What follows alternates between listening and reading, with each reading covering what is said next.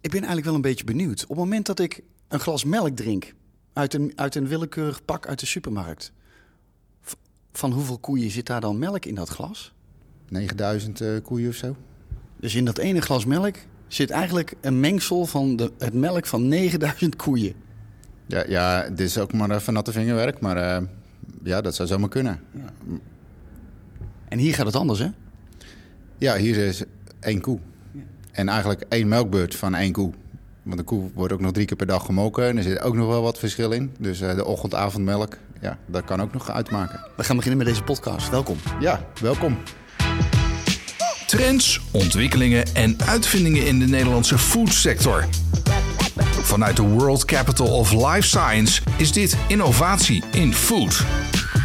Hier is Paul Sanders. Welkom bij Innovatie in Food. En dit keer hebben we een, eh, een speciale aflevering, want we zijn namelijk niet in de studio in Wageningen, maar we zijn op een boerenbedrijf. Niet zomaar een locatie. Eh, we staan, nou nog niet, nu zitten we eventjes aan een tafel, maar straks staan we gewoon tussen de koeien.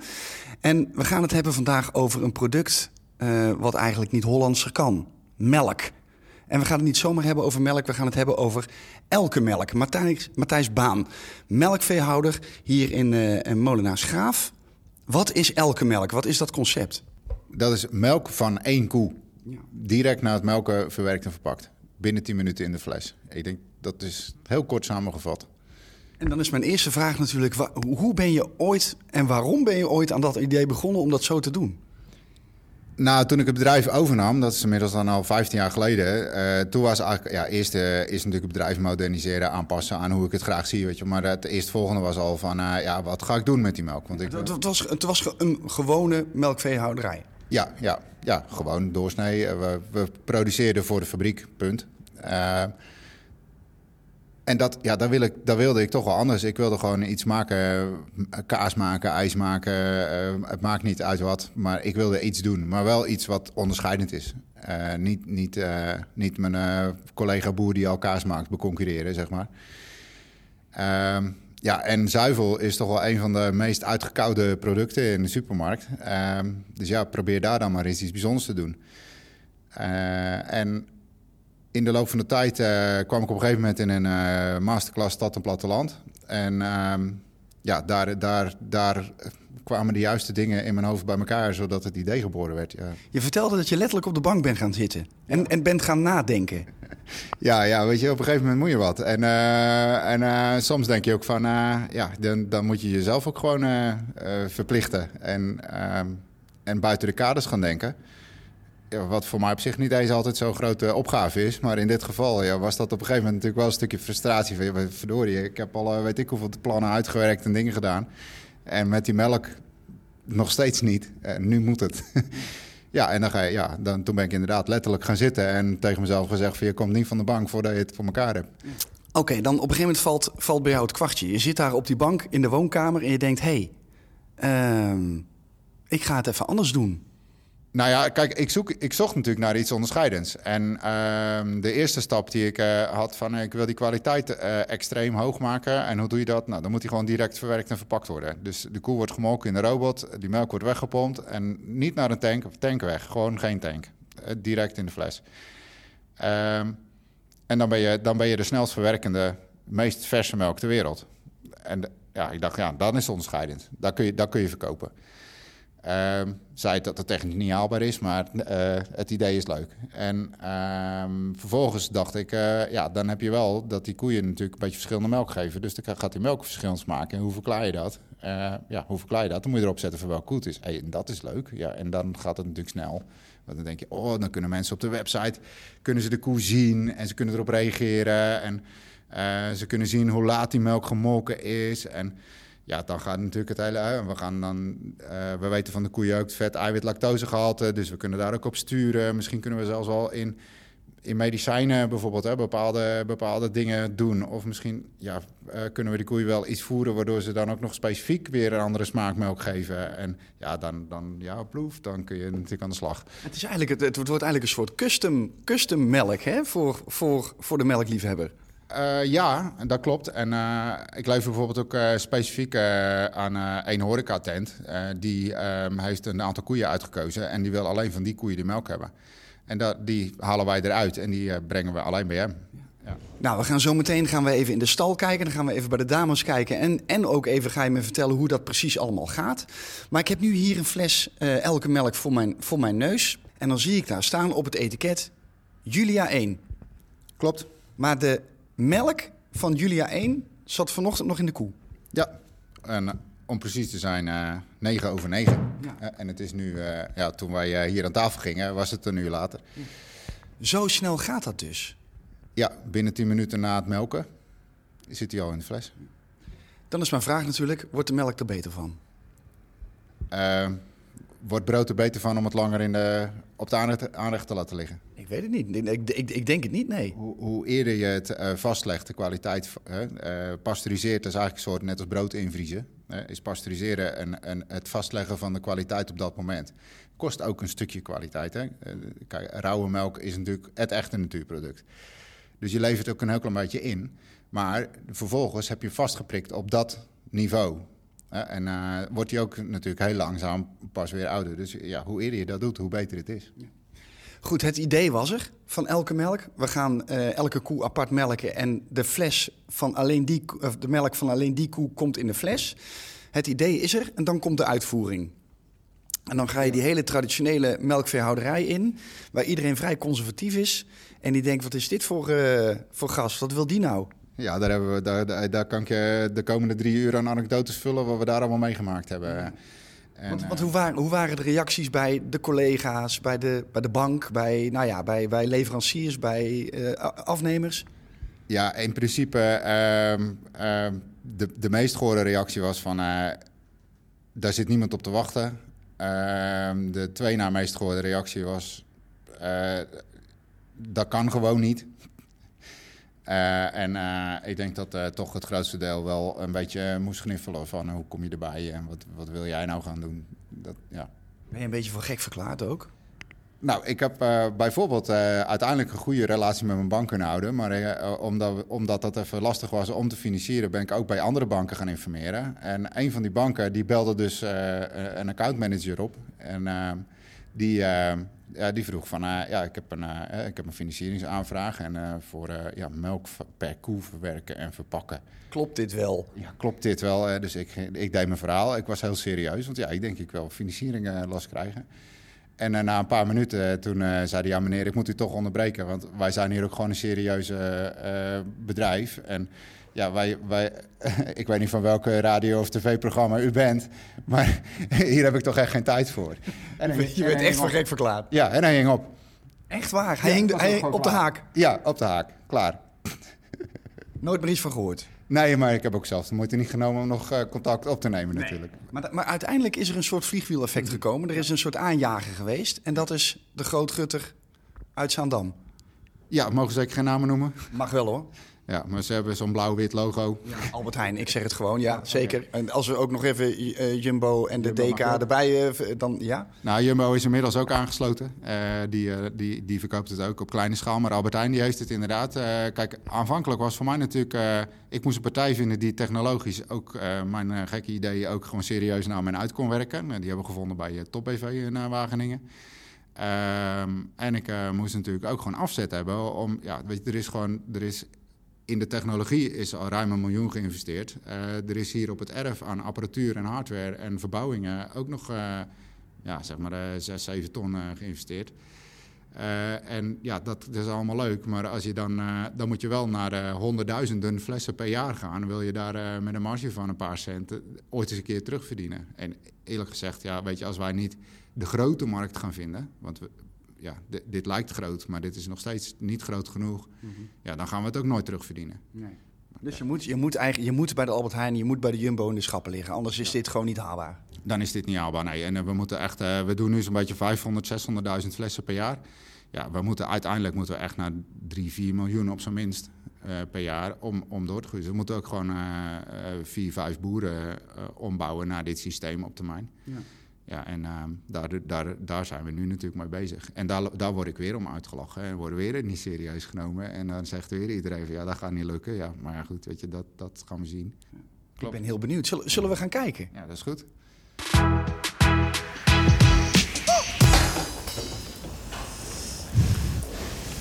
Ja, Matthijs, hier, hier, hier begint het, hè? Ja. Dit zijn de dames. Ja. En ze hebben allemaal een naam. Dit zijn de helden, ja. En die zijn niet meer de koeien. Maar eh, dit zijn allemaal individuele koeien met hun eigen merk melk eigenlijk. Hè? Ja, daar komt, ja, dit zijn eigenlijk allemaal ZZP'ers, deze koeien. Ja, dit zijn ZZP'ers. Ja, dat was een goeie, ja. Vertel eens. Hoe, eh, eh, ja, het is logisch. De koeien zijn nu lekker aan het eten. maken melk in die uiers. En dan? Nou, eigenlijk begint het hier. En wat je de koe voedt, ja, dat is belangrijk. Wat je de koe voedt, dat proef je terug in de melk. Ja.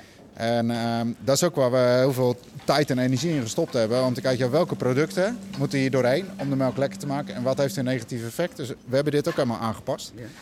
Koeien zijn daardoor ook eh, zo'n beetje 10% minder melk gegeven.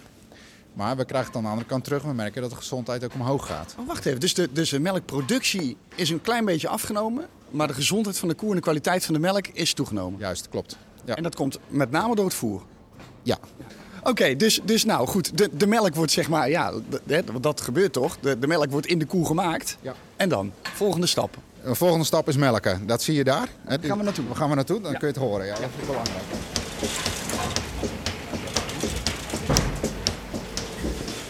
Weet, weet, weet je nu ook wie er hier in de, in de, in de, in de machine staat op het Ja, ogenblik? Kijk maar. Tietje 212. Tietje 212 wordt nu gemolken. En Tietje is eigenlijk de achternaam. Mensen denken vaak dat het is de voor, maar dat is de achternaam. En 212 is de voornaam. Oké. We hebben, we hebben nog gedacht van, eh, nou moeten we die nummers vervangen voor namen. Maar die nummers zijn voor ons belangrijk. Die achternaam is natuurlijk sowieso belangrijk, want dan weten we welke familie het is. Maar die voornaam, eh, die, die, dat nummer is voor ons natuurlijk ook gewoon handig. En we hadden ook zoiets van, weet je, dit is hoe het is. Dus waarom gaan we dat aanpassen? We moeten mensen uitleggen waarom het zo is. In plaats van dat we iets, een of andere sexy verhaal gaan maken. Tietje 212 wordt dus nu gemolken. Eh, normaal gesproken, in een traditionele, eh, traditioneel bedrijf, komt nu alles in één grote tank terecht. Bij jullie gaat dat anders. Hoe, leg eens uit. Ja, nou, kom in één tanker en dan wordt ook van drie dagen van al die koeien wordt één monster genomen en daar wordt de kwaliteit van gemeten. Nou, dat, gaat hier, dat gaat hier ook anders. Dus die koe wordt gemolken, die melk wordt hier bij de robot verzameld. Als die klaar is, wordt die melk weggepompt. Ja? En terwijl die weggepompt wordt, gaat die hier ook door het eh, laboratorium. Want jullie hebben eigenlijk een soort laboratoriumpje hangen aan, aan de melkrobot. Dat klopt. We gaan hem even open doen. Kijk eens. Als we, nou, als we even wachten tot deze koe klaar is, dan kun je het ook waarschijnlijk wel horen. Dan gaat hij melk erin halen, dat hij een beetje eh, hoe heet dat, eh, reagens bij, dat mengt hij.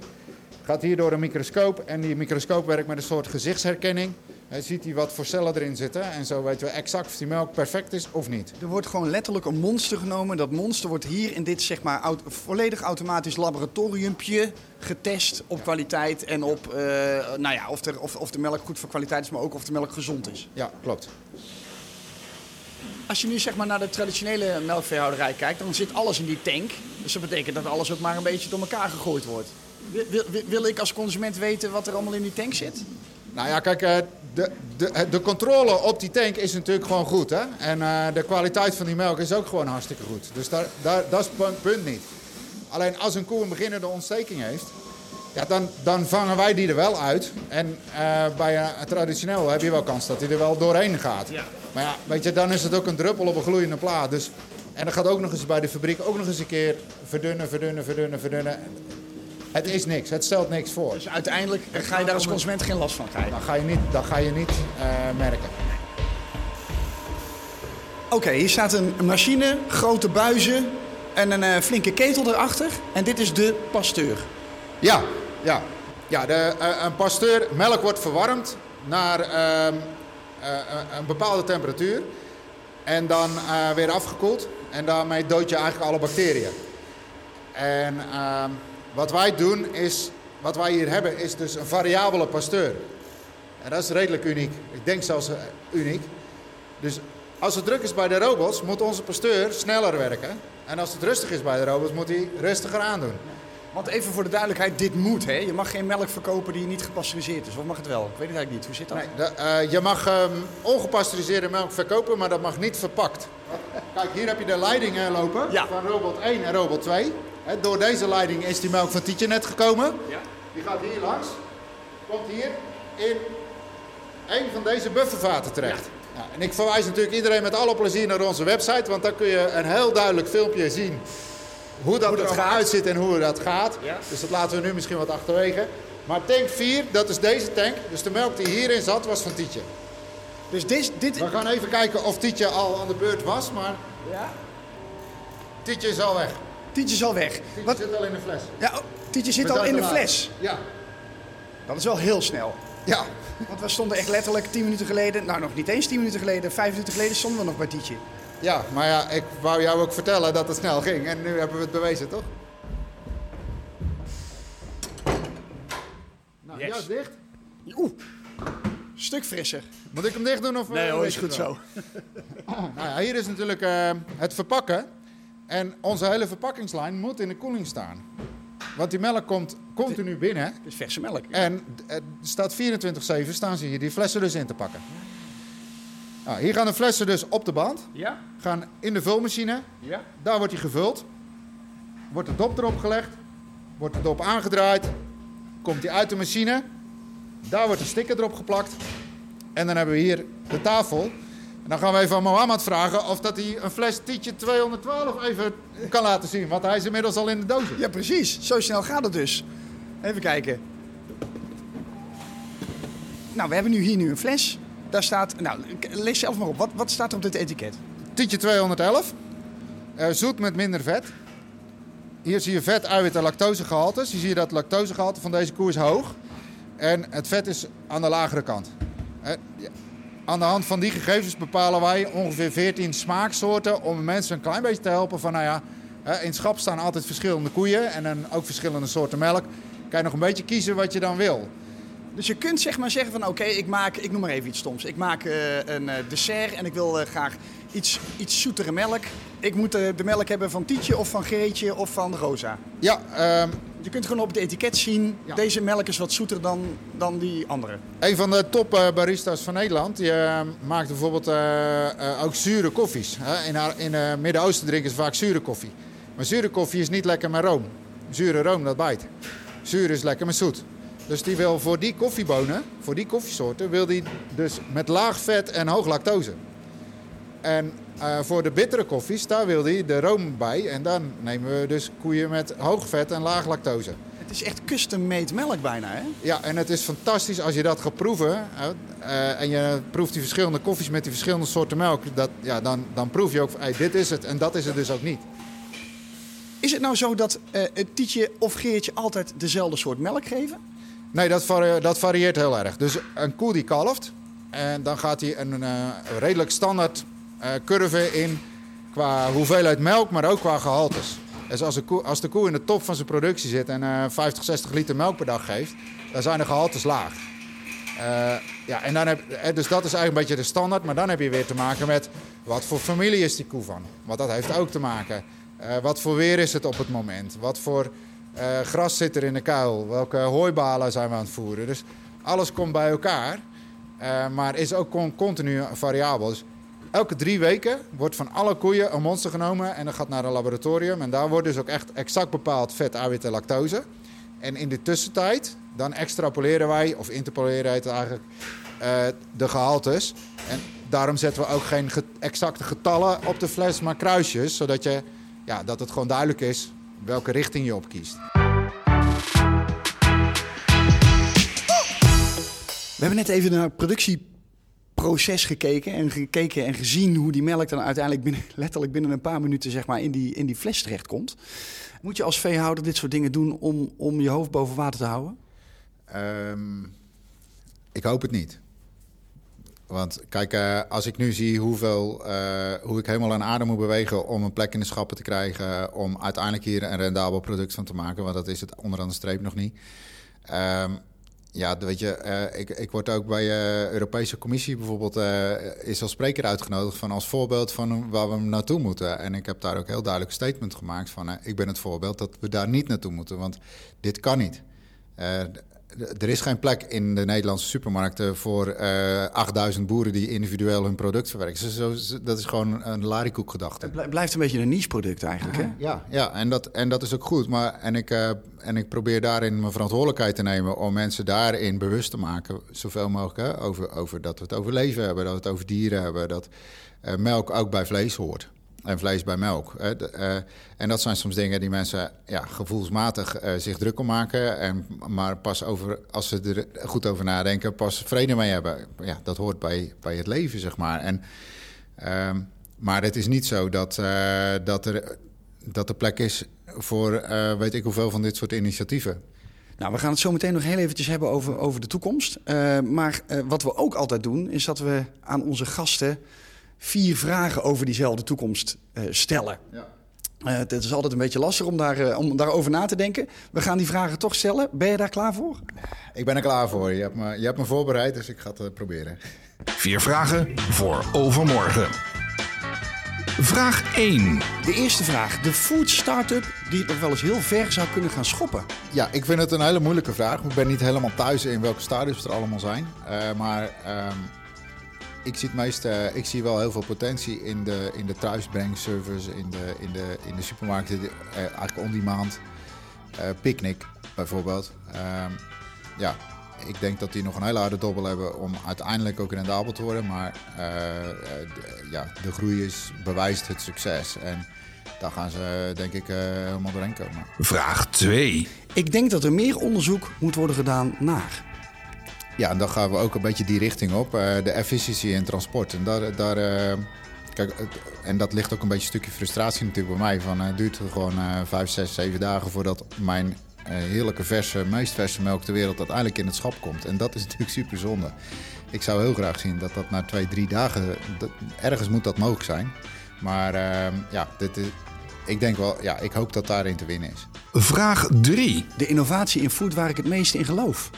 Het is misschien een controversieel antwoord, omdat uh, aan de ene kant uh, ben ik helemaal niet voor allerlei vlees- en melkvervangende producten. Uh, maar ik ben er wel voor dat mensen minder gaan consumeren. Dus, en laat ik zo zeggen, minder vlees en minder melkproducten gaan consumeren. Dat zou een goede, goede, goede zaak zijn. Uh, en ik denk daarom dat het ook wel helpt dat er goede vervangers komen die mensen over die streep trekken andere kant denk ik van, weet je, als ik een dag geen vlees wil eten, dan hoef ik ook geen nepburger. Dus, dus in die zin snap ik het dan ook weer niet. Maar ik vind wel een innovatie die, die ik een warm hart toedraag, omdat het, ja, het helpt mensen over de streep. Vraag 4. Vraag 4, de laatste vraag. Wat wordt eerder een hit? De kweekburger of de insectenburger? Nou, ik heb uh, uh, hier een vlakbij zit een uh, insectenbedrijf. En ik heb daar wel eens wat het een en ander van mogen proeven. Nou, ik vind het dus echt gewoon niet te vreten. Ik kan me niet voorstellen dat zonder dat je daar heel veel zooi bij stopt, dat dat ooit wat wordt, zeg maar. Sorry jongens. En aan de andere kant de kweekburger. Um, ik moet biotechnologisch gezien zeg nog, maar, nog zien dat dat ook echt gaat lukken. Maar goed, daar, daar, uiteindelijk geloof ik daar wel in als dat eenmaal lukt, um, ja, dan is er de vraag hoe efficiënt dat dan uiteindelijk is. de, de, dat is dan natuurlijk de vraag. Maar als dat dan ook echt als dat wordt wat men ervan verwacht, ja, dan vind ik dat een super succes. En, um, dus die insectenburger moeten we vergeten. Uh, we moeten ons richten op de kweekburger. Nou, laat ik het, ja, en, en dan gaat het ook over dat vegetarische en uh, minder, uh, minder vlees consumeren. Um, ik ben van mening dat je hebt vlees en melk en zuivel, dat heb je nodig. dat is gezond. En als we de wereld gezond willen voeden, dan moeten we dat in ons productenpatroon houden. We moeten alleen de helft consumeren van wat we nu doen. Dat kan makkelijk. Andere kant snap ik ook dat iedereen recht heeft op een stukje vlees. Uh, ja, en als we daar in de toekomst dus kweekvlees kunnen gaan maken, ja, dan, heb je, dan, dan heb je geen dierenleed en geen uh, extreme belasting van het milieu. En uh, wel een, een, een vraag die je kan beantwoorden. Dus ja, ik, ik, zou, ik draag dat ook een warm hart toe. Waar staat, waar staat uh, Elke Melk over, uh, nou, laten we zeggen, vijf jaar? Uh, wil je een kerstantwoord of een echt antwoord? um, nou, la, la, la, laten we beginnen bij een echt antwoord. Nou, ik, ja, ik, mijn, mijn, mijn doel is echt wel om dan minimaal drie bedrijven onder deze vlag te hebben. Ja. Dat betekent een flinke schaalvergroting. Dat is drie keer uh, zoveel als we nu hebben. Maar uh, omdat we nu pas de helft van onze eigen productie doen. Dus dat betekent zes keer uh, de omzet die we nu doen. andere kant denk ik, als we het plan uit kunnen gaan voeren zoals dat ik in mijn hoofd heb, dan kan dat ook echt nog wel zo snel gaan en zelfs nog veel harder. Heel eerlijk gezegd, als ik nu kijk, als ik willekeurig mensen vraag, ken je elke melk? Ja, dan krijg ik 1% reactie van, ja, wel eens van gehoord. En uh, als, je, als ik uh, 100 mensen uitleg wat elke melk is, dan zijn er, zijn er 80 die zeggen, dat ga ik zeker proberen. Wil ik zeker, wat leuk. Ja? Dus ik denk als wij dit aan de grote klok, echt aan de grote klok kunnen hangen. Hè, en dat we, dan denk ik dat, het, dat, dat, we dat, we, dat we het niet aan kunnen qua productie. Dus dat moeten we echt wel. Uh, ik geloof daar echt in dat dat snel kan. En dan komt een kerstantwoord, hè, waar ik echt blij van word. Ja, het kan ook dat we over vijf jaar al tien bedrijven hebben. Is het, is het, ik bedoel, ja, mensen de, denken na over, veel bewuster na over wat ze eten en drinken. Hè? Dat, is, dat, is een, dat is een feit. Past, past dit product daar ook in? Bewust nadenken over wat je in dit geval drinkt of uh, waar je pannenkoeken van bakt, bij wijze spreken? Steeds meer mensen wil ik eigenlijk toch ben niet helemaal eens met wat je zegt namelijk. Okay. Uh, steeds meer mensen gaan dat doen. En die mensen springen in het oog. De early, maar in mijn beleving hebben we het nog steeds over early adopters die ja. daarmee bezig zijn. Want de mainstream van mensen roept dat ze minder vlees willen eten, maar er wordt nooit zoveel vlees gekocht als afgelopen jaar. En zo, zo zijn er een aantal tegenstrijdigheden. Mensen willen allemaal goede producten, maar ze staan allemaal in de rij voor de, voor de, voor de goedkoopste dingen in de supermarkt. Dus uh, ik, moet nog, ik moet nog zien iedereen wil goed eten kopen, maar wat is het? Uh, 5, 6 procent is maar biologisch. Ja. Snap je de, de, de tegenstelling? Uh, iedereen wil ook lekker koken. Hè? En, uh, en uh, met HelloFresh kan je bijvoorbeeld iets heel makkelijks binnenhalen en dan kun je iets maken. Maar je, waarom doen mensen dat niet veel meer? Je hebt eigenlijk, daar heb je een hele mooie term voor, Engelse term voor. Hè? Je hebt to talk the talk en walk the walk. Mensen moeten niet alleen maar praten over, nadenken over hun voedsel, maar het ook echt doen. Ja. en dus misschien ook wel meer betalen. Ja, maar goed, dat, dat, is, het, dat is het complete plaatje. Van, uh, we kunnen niet zomaar uh, even zeggen van joh, we willen de consument die of die kant op hebben. Want dat, dat ja, zo werkt het, het kapitalisme niet. Nee. We zijn liberaal kapitalisten. Ja, als we dat, als we, ja, binnen, die, binnen die markt ja, gebeurt wat er gebeurt. En we kunnen reclame maken, en dat gebeurt hè. En, maar die reclames, die lijkt het net alsof uh, 30% van de mensen biologisch is. Maar ja, die, uh, supermarkten maken zoveel reclames voor biologische producten, omdat dat tot de verbeelding spreekt. En die halen die mensen binnen in de supermarkt. En wat kopen ze daar? Uh, de eigen merk niet-biologische producten, want die is het goedkoopst. Uh, er rest ons eigenlijk nog maar één ding te doen, want we zijn aan het einde gekomen van deze podcast. Uh, en dat is natuurlijk gewoon de melk proeven. Oh, dat is goed. Laten we even een glaasje, want hier staat een flesje met Julia 1. Romig en rijk aan bouwstoffen. Ik zie dat Julia vooral uh, qua vet- en eiwitgehalte wat hoger zit. En qua lactose wat lager. En dan uh, proost op de goede afloop. Dankjewel dat we te gast mochten zijn in, uh, in je bedrijf. En heel veel succes met elke melk. Ja, dankjewel. Lekker hoor. Julia heeft goed de best gedaan. Ja, proeven nu die bergweiders? Heb je ideeën of zie je ontwikkelingen, dan horen we heel graag van je.